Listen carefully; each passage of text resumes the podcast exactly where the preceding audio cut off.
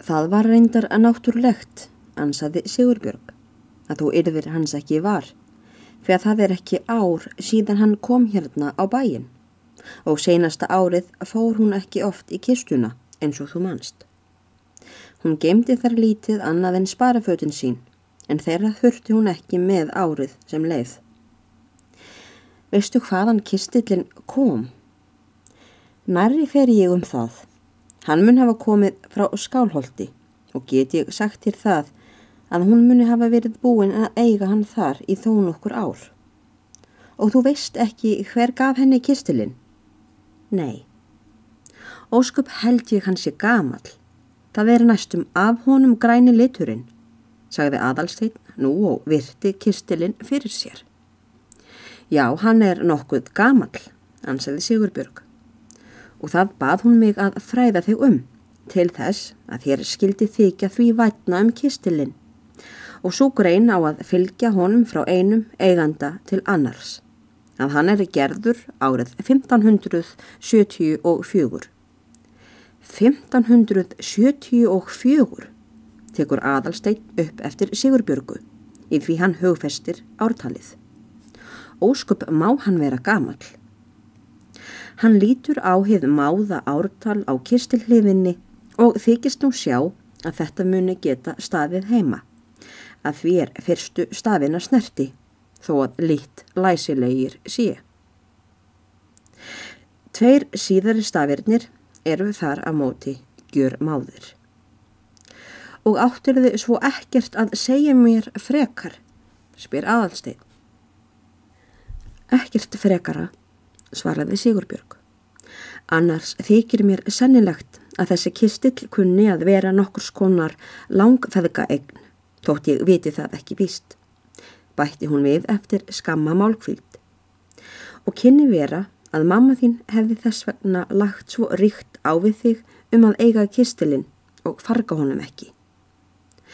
Þó átt við að foreldrar mömmu sálugu muni hafa átt hann fyrst, indi aðalsteitt til við Sigurbjörgu. Ekki veit ég það, svaraði hún. Það er ekki með því sagt að hann sé kjöru greipur úr ætt móður þinnar. Annars er mér þetta allsendis ókunnugt og má ekkert með það fara, bætti Sigurbjörg við nokkuð alvarleg og tók svo fyrir allar frekari spurningar. Hvernig ætlarðu nú annars að ráðstofa kistlinum framvegis?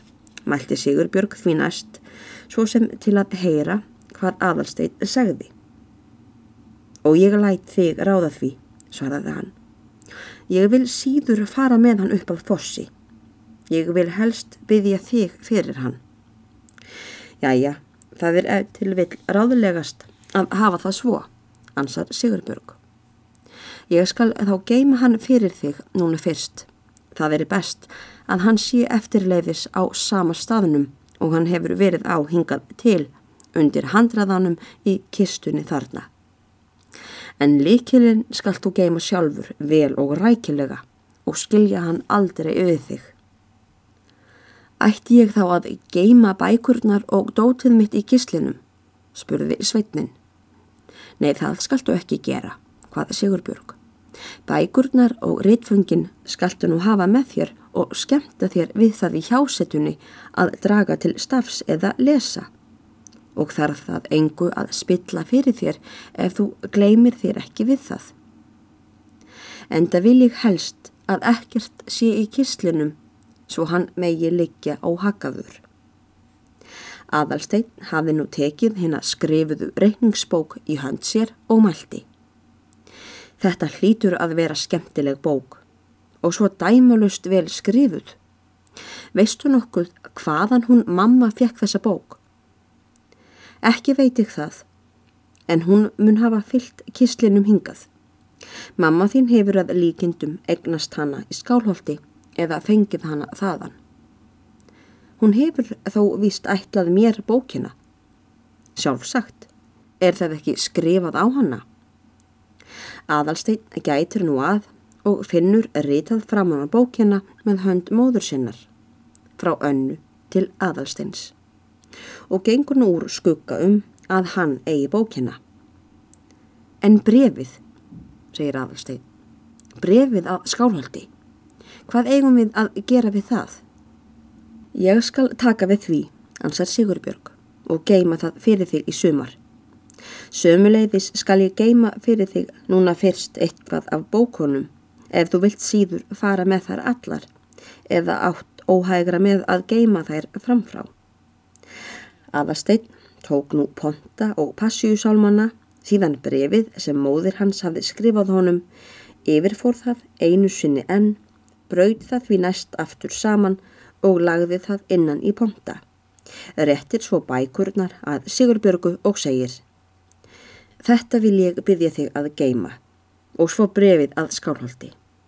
En skriffærin og reikningsbókina langur mig til að hafa með mér frameftir. Og eftir það er aðalsteinn hafði enn einu sinni skoðað kistelin í krók og kring og með tárinu augunum blessað minningu móður sinnar stendur Sigurbjörg upp og líkur upp kistunni. Lætur græna kistilin á sinn stað hinn sama á áður en bækurnar með brefi aðalsteins innan í. Leggur hún í kistuhandraðan og brefið að skálholti þar á ofan og skellir síðan í lás. Á meðan hún er að þessu stingur aðalsteinn inn á sig kistilliklinum og bregður bandinu upp um hálsin. Tekur síðan vasaklútsinn og bindur utanum bókina og pappirinn og lætur byttuna í vasan og pennan í annan vasa og segir síðan. Ekki hjælt ég í morgun þegar ég fórað heiman að ég myndi eiga svona gleðilegan dag hjá þér, góða Sigurbjörg mín. Vist má ég muna hvað mamma segir mér seinast í brefi sínu. Það var henni líkt að skrifa svona, mælti Sigurbjörg, en friður sé með hennar anda. Engin betri sál hefur stíið upp til ljósana heimkynnis og engin þreyttari kvíld fundið. Og grunur minn er sá að svo kona hafi haft mikið að bera setni hluta æði sinnar. Þóðu mér auðnaðist ekki að þekkja neitt inn í það til lítar. Í þessu snýri Sigurbjörg sér við og leit á aðalstein og stóðu þá augu hennar full af tárum. Hún baða aðalstein gangan og yfir í baðstofuna og skemmta sér með börnunum dáletla stund áður en hann færi og þáði hann það. Gengu þau nú bæði fram úr húsinu.